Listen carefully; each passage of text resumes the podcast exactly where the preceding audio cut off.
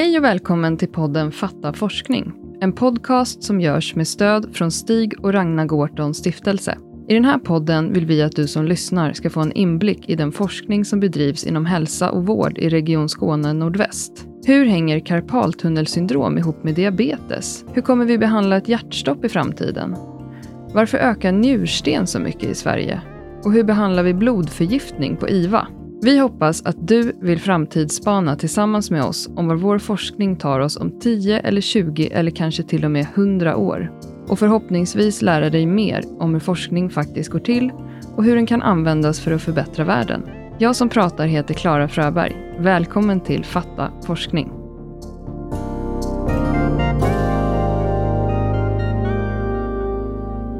Hej och välkommen till podden Fatta forskning, Camilla Edvinsson. Tack så jättemycket.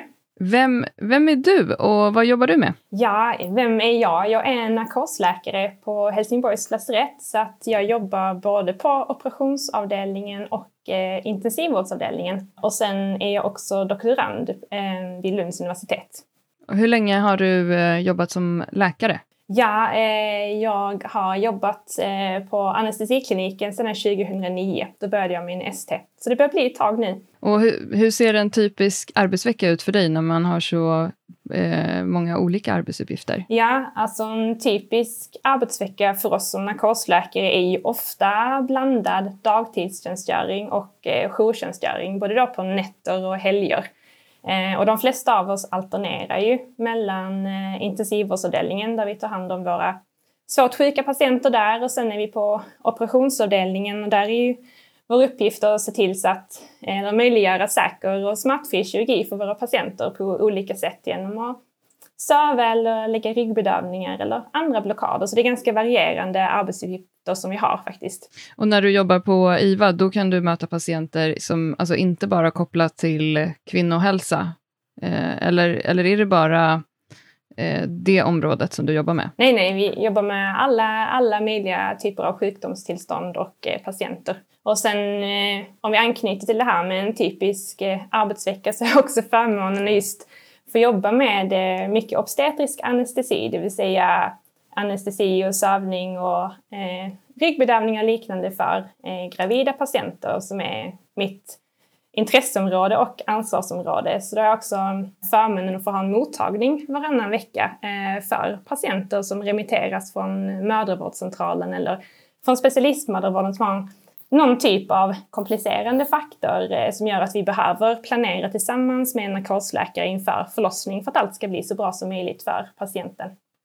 Just det. Och hur kommer du in på, eller blev intresserad av, av det området? Ja, det blev ganska tidigt faktiskt under min eh, specialisttjänstgöring. Inte minst för att det var de allra två, eh, nästan mina favoritkollegor på kliniken som jobbade med just obstetrisk anestesi. Och sen en av dem eh, började på ett annat sjukhus och då fick jag liksom hoppa in som ersättare där och sen har det fortsatt. Och, eh, jag tycker det är väldigt spännande eh, med graviditet och den förändrade fysiologin som man får jämfört med normaltillståndet och sen då att vi faktiskt behandlar två patienter där man i början av graviditeten då tänker vi mycket vilka läkemedel är exempelvis säkra att ge under fosterutveckling och då Även om förändringar sker i kvinnans kropp ganska tidigt under graviditeten så tänker vi kanske ändå mest på eh, just det här med mediciner och så i början. Men allt, eh, när graviditeten fortlöper så blir påverkan på kvinnans kropp allt större. Eh, och det är någonting vi måste ta hänsyn till inom vårt specialistområde. När kvinnan är gravid, jag har själv varit gravid två gånger, mm så är det ju, min, eh, mina barns pappa kallade mig för the mothership när jag var gravid med vårt första ja. barn. Och det är lite så det känns. Alltså man är som en, man är ju en babyfabrik som, det händer så otroligt mycket saker i kroppen. Det är ju faktiskt helt otroligt. Mm, det händer väldigt mycket och det är, det är liksom fantastiskt i sig. Och man brukar säga att graviditet det är ju liksom det ultimata stresstestet för kroppen. Jag som då tycker om att, att springa långt och springa maraton så brukar jag jämföra liksom det här med graviditet och förlossning. Det är liksom eh, det största maratonet vi har i livet. Mm. Ja men det, det, är det ju. Och det, det, många brukar ju också jämföra den prestationen vid en, alltså både för bebisen och mamman ja. under en förlossning som det, en av de liksom största ansträngningarna vi kommer göra under vårt liv. Precis. Och ändå gör vi om det. Det är märkligt. Ja, det är ju det. Men tycker du att vi får tillräckligt mycket cred, vi som har varit gravida?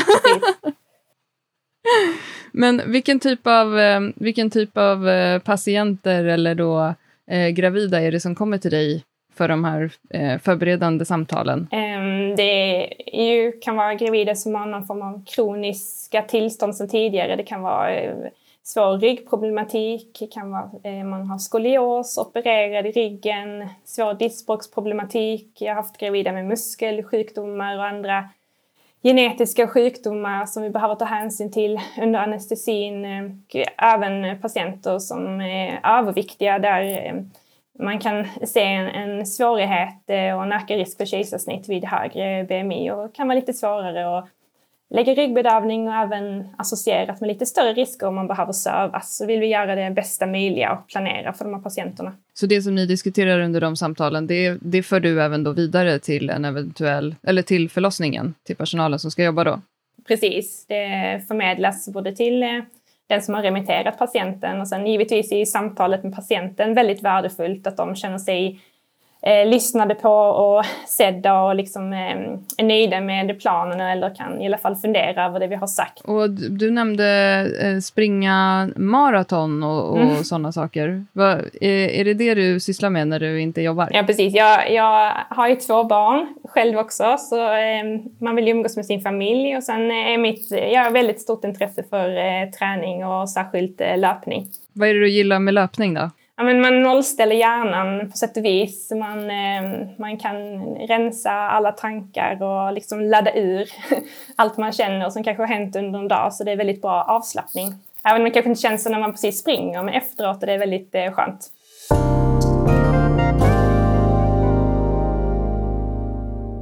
Du ska faktiskt få en fråga av mig som alla som gästar den här podden får, som är lite som eh, kuggfrågan, för det kan vara lite knepigt. Eh, och det är, kan du förklara din forskning på en minut?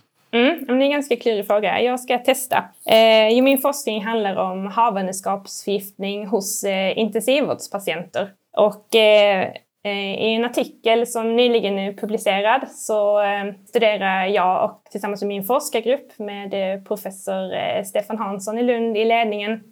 Då tittar vi på varför vissa patienter blir så väldigt svårt sjuka och andra inte blir lika sjuka av havandeskapsförgiftning. Och för att komma närmare den sanningen så tittar vi på kliniska riskfaktorer hos patienterna, både kända och, och okända.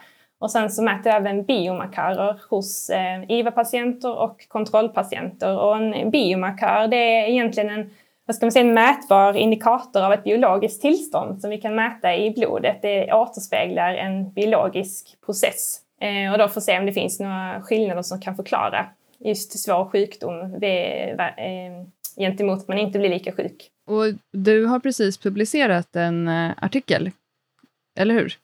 Ja men precis, det är alldeles i dagarna så, så har den kommit ut. Ja.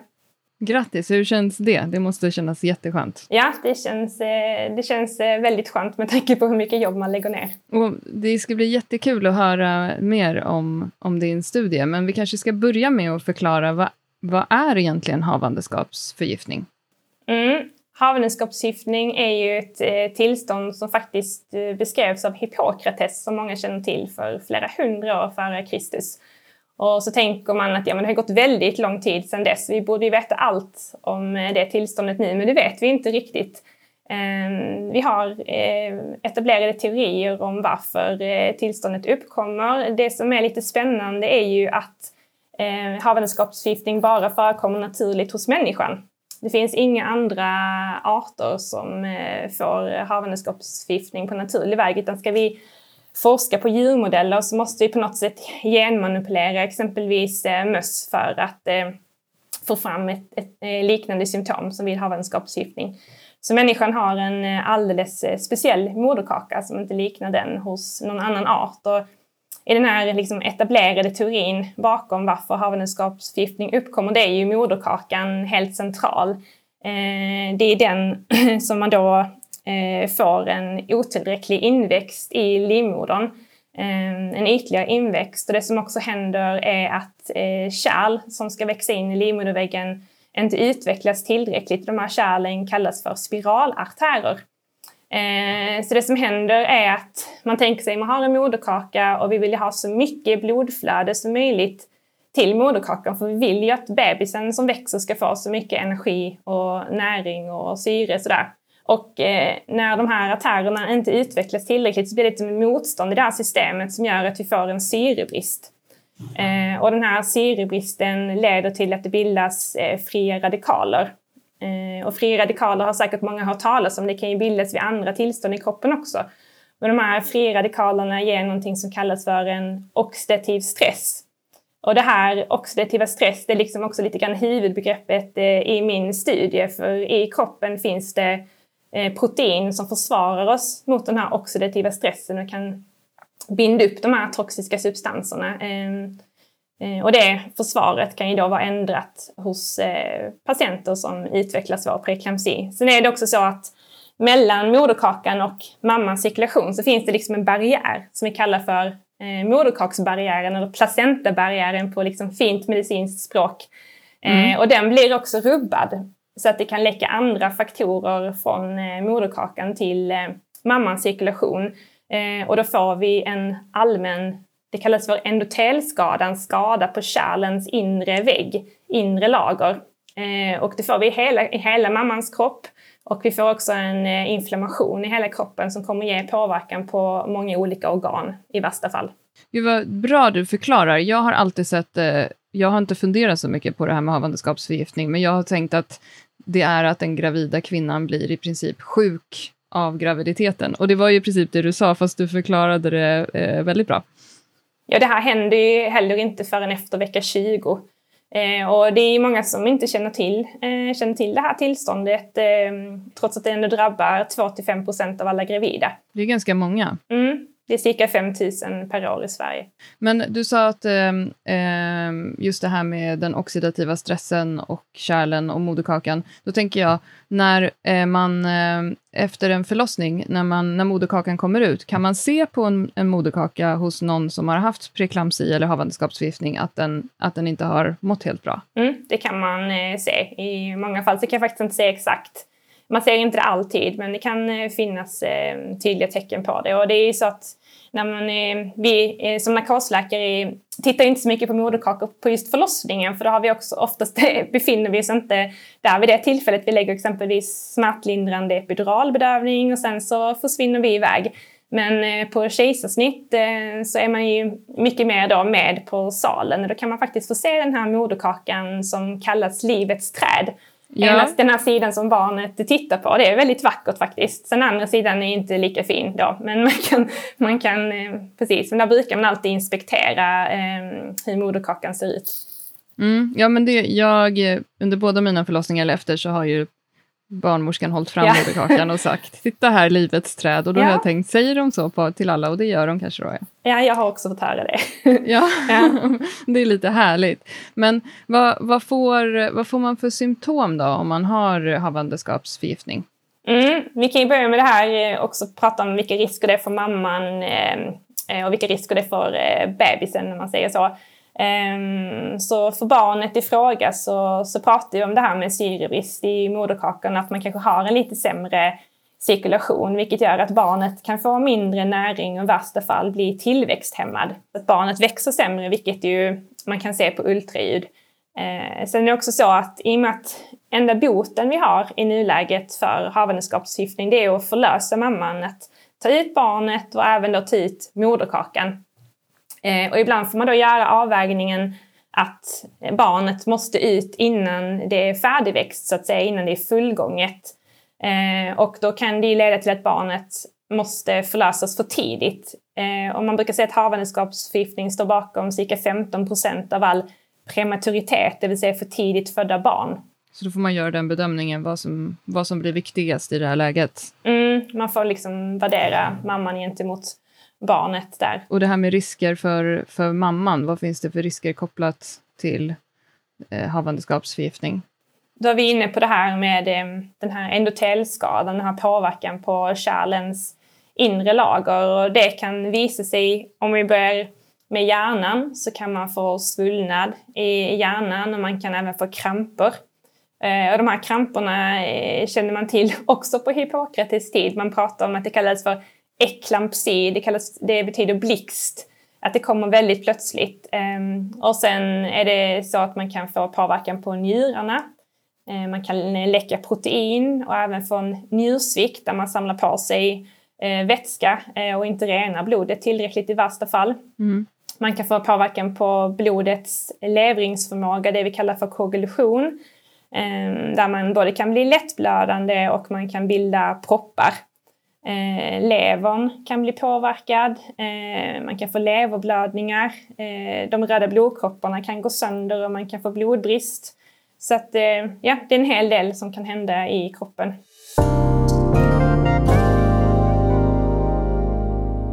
Jag tänker att på Hippokrates tid så gissar jag att det kanske inte alltid gick så bra med de här graviditeterna. Eh, men att idag Eh, så följs det väl upp ganska noggrant från mödravården under en kvinnas graviditet, att man, att man kan se när, när en kvinna blir sjuk på till exempel urinprov och så. Ja, alltså just det här, man, man mäter ju blodtrycket för det som händer, som sagt högt blodtryck är huvudsymptomet. Eh, och det beror på att istället för att kärlen slappnar av som de ska göra under normal graviditet så kommer de istället dra ihop sig. Ehm, om vi går tillbaka lite till organskadan så kan man ju även få eh, påverkan på hjärtat och hjärtsvikt som eh, leder till att man får vätska på lungorna och har svårigheter att andas. Så det här sammantaget är många allvarliga symptom som gör att man kan behöva eh, hjälp av oss inom intensivvården. Ehm, och det är så att som du säger så är vården i Sverige väldigt bra och jämför man med, alltså om man ser till det globala eh, så är det ju väldigt hög mödradödlighet i världen i havandeskapsförgiftning. Det är ungefär 75 000 kvinnor som dör varje år och en halv miljon barn. Oj. Så det är ganska många barn det rör sig om eh, också som dör av detta. Och, och som sagt, eh, man har ju en noggrann uppföljning inom mödravården och man blir eh, remitterad till, eh, Eh, till eh, sjukvården eh, vid behov. Och sen så finns det ju vårdprogram utformade med hur man ska behandla patienterna och noggrann blodtryckskontroll och så. Och jag tänker, din studie handlar ju om gravida eh, som hamnar på IVA, men jag tänker de som inte hamnar på IVA, eh, går det generellt, kan man säga någonting om, det, det går oftast bra för för havandeskapsförgiftningspatienter? Eller kan du som forskare kanske inte spekulera i det? så? Nej, jag är inte obstetriker, jag jobbar inte med gravida och eh, förlossningar utan är narkosläkare mitt eh, eh, huvudområde så att säga. Men eh, det, det jag kan ju är att eh, eftersom de inte behöver komma till oss så förutsätter jag att det går, att det går bra. Mm. Ja. Och, och, visst är det så också att ganska snabbt efter att eh, barnet är fött så börjar kvinnan må bättre generellt? I det här, mm. Eftersom att det är det gravida tillståndet som gör att man mår dåligt. Ja, ja nej kan man säga. För att de patienterna som, i alla fall som är svårt sjuka, som kommer till intensivvården, de, de, patienterna i min studie är Ehm, är förlösta men man kan se en dynamik i det här tillståndet även efter förlossning och som vi har kunnat se i de här biomarkörerna som vi har mätt. Eh, och det finns ju eh, många fall beskrivna där eh, havandeskapsförgiftning även debuter kan debutera flera veckor efter en förlossning. Ehm, så det är ändå någonting som, som fortsatt underhåller det eller som kan finnas kvar i, i cirkulationen. Sen exakt detaljerna kring det kan jag inte svara på.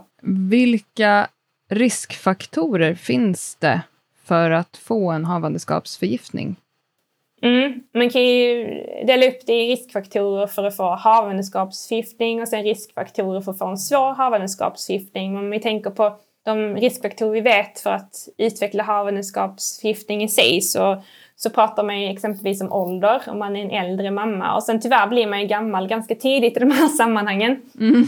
Så jag själv ligger ju risigt till där. Men eh, sen så pratar man om eh, eh BMI, alltså att man har en övervikt.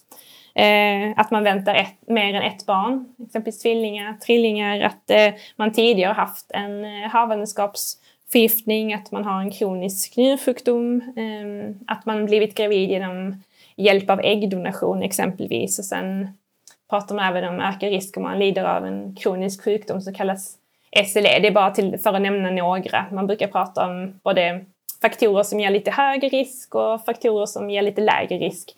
Men eh, det är bara för att nämna någon, några som sagt. Och de här kvinnorna som du har tittat på, vilka riskfaktorer eh, har ni kunnat se? Alltså det vi har hittat hos de kvinnor vi har studerat så har vi som sagt tittat på kliniska riskfaktorer. Då kan man ju se att de är något äldre. Eh, de patienterna som blir svårt sjuka och de, de eh, har eh, oftare fått hjälp genom äggdonation, även om det är väldigt få fall i studien som ändå har använt sig av det. Det är fler tvillinggraviditeter och sen det som eh, egentligen framstår som nya riskfaktorer. Det är underfunktion i sköldkörteln och sen när man väntar ett manligt foster. Eh, och det finns eh, några få studier som också visar på association mellan de två lite mer okända riskfaktorerna och utveckling av havandeskapsförgiftning. Men om man har underfunktion i sköldkörteln, då eh, har man kanske också lite extra kontroll direkt från mödravården om man har den diagnosen när man blir gravid?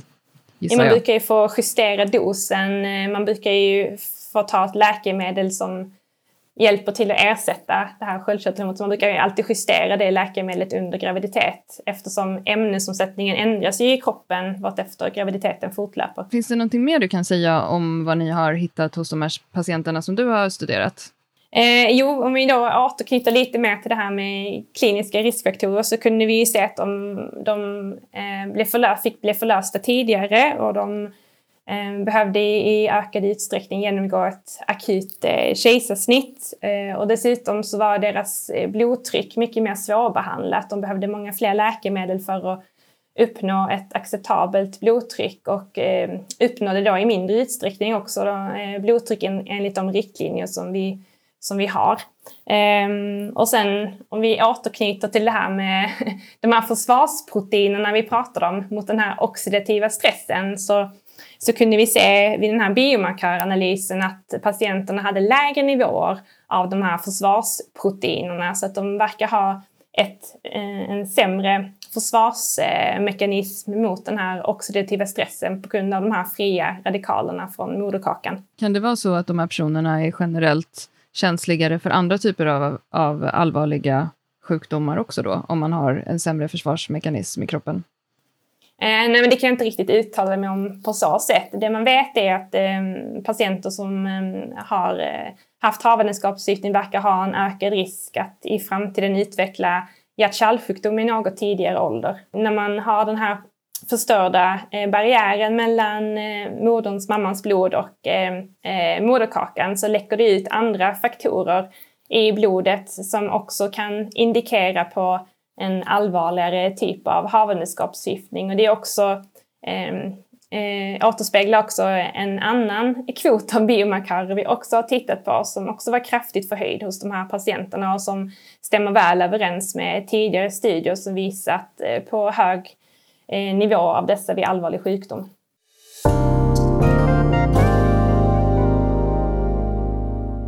Vad, vad hoppas du att eh, den här forskningen, den här studien som du har gjort ska leda till? Eller finns det någon tanke med vad ni ska använda den här eh, forskningen till? Eh, ja, eh, dels så hoppas jag ju framförallt att det ska ge mer kunskap eh, om allvarlig form av havandeskapsförgiftning. Att vi ska komma lite närmre i och veta varför. Som sagt, vissa patienter blir så sjuka och andra blir mindre sjuka. Att vi eh, ska förstå att det är väldigt viktigt att följa vårdprogram, att eh, intensivt behandla blodtrycket, att generellt hitta, kanske eh, kan forskningen hjälpa att hitta de patienter som eh, kommer att bli svårt sjuka i tid. Eh, generellt tycker jag att den här patientgruppen ska uppmärksammas mer. Det är en grupp av eh, relativt unga och friska patienter som vi bör prioritera inom intensivvården och intermediärvård när de blir väldigt sjuka. Eh, och sen eh, så på sikt så tycker jag de här patienterna eh, bör få mer information om eh, havandeskapsförgiftning och, och information inför eh, kommande graviditeter och sen eh, en intens mer intensifierad uppföljning just eh, avseende att vi tror att de kan ha en ökad risk för kardiovaskulär sjukdom i framtiden. Just det, så att man har en regelbunden kontakt med de här patienterna med kontroller framåt. Ja, nu är det ju så att allting styrs av resurser inom vården, men eh, att vi på något sätt ändå kan flagga för att det kan vara en, en hälsorisk på sikt att man också bör se den här gruppen kvinnor. Men det kanske, till, det kanske skulle kunna vara så pass enkelt att man ger rådet till den eh, födande kvinnan att eh, eftersom du har haft havandeskapsförgiftning så kan det vara bra om du har lite koll på och kanske följer upp mm på blodtryck och liknande. Vad händer nu då? Vad ska du göra härnäst? Forskar du vidare? Ska du titta på fler spännande eh, områden? Ja, jag tänkte forska vidare. Vi håller eh, just nu på att färdigställa en artikel där vi med hjälp av artificiell intelligens ser om vi kan eh, utforma en prediktionsmodell för vilka eh, patienter som eh, blir svårt sjuka och behöver IVA-vård med hjälp av det materialet vi har. Mm. Så det är en sak vi tittar på. Och sen eh, tittar vi även på andra biomarkörer som både har med eh, havandeskapsförgiftning och eh, kardiovaskulär sjukdom att göra. Och sen är ju vår förhoppning att vi eh, framöver ska kunna följa upp den här gruppen av intensivvårdspatienter för att se hur de mår idag. Mm. Eh, om de har eh, drabbats av kardiovaskulär sjukdom som det är nu, några år senare, eller om de uppvisar tecken på en ökad risk att drabbas av kardiovaskulär sjukdom inom en eh, snar framtid. Och på så sätt kunna på något sätt hjälpa dem att förebygga detta. Vi kan göra någonting eh, både för att hjälpa den gruppen patienter och eh, alla patienter som drabbats av svår havandeskapsförgiftning eh, med bättre uppföljning på sikt. Ja, men om, om jag är en gravid kvinna, nu eh, spånar jag bara här. spekulerar vi bara. Jag spekulerar. Ja, jag vet att du kommer mm. säga, jag kan inte svara på det, jag är, jag är forskare. Men eh, tycker du mm. att jag borde oroa mig för att det finns en risk för att jag ska få havandeskapsförgiftning? Eller kan jag lita på att mödravården kommer fånga upp det om det sker? Mm, jag tycker inte du ska oroa dig. Utan eh, det är eh, en sjukdom som även om allmänheten i sig inte alltid känner till den så är det ju välkänd inom sjukvården och mödravården. Så för den skull tycker jag att du inte ska oroa dig. Ja, men, jag tänker det känns viktigt att poängtera just för att det finns ju nog med saker som man oroar sig över när man är gravid. Absolut, det finns det. Ja. Allt från, eh, jag kommer ihåg att jag råkade äta någon eh, opastöriserad ost någon gång under min första ja. graviditet och eh, mm. ja, blev jätte, jätteorolig såklart. Så att man vill inte mm. behöva oroa sig för saker som inte är upptäckta att de ska uppstå. Liksom. Nej, det är svårt att förklara för det blir ju från det att man blir gravid och så får man lite grann en livslång oro både för barnet i magen och sen det födda barnet och sådär. Så att, eh, det är ju så, man eh, blir inte fri från den där oron för eh, den som betyder allra mest för en. Nej, precis. Men jag känner mig i alla fall väldigt trygg när jag pratar med dig om att eh, det finns många som har bra koll på det här. Och det Absolut. finns bra, bra vård för det här också. Om man blir nyfiken när man lyssnar på det här, eh, kan, går det att hitta din artikel någonstans? Vi kommer att bifoga en länk mm. till det här avsnittet om man skulle vilja gå in och läsa eh, artikeln i Pregnancy Hypertension. Ja, jag ska gå in och läsa. Stort tack Camilla för att du kom och gästade podden Fatta forskning. Jag hoppas att du kommer tillbaka eh, med din nästa studie och berättar om den också. Ja, vi får hoppas det. tack så mycket.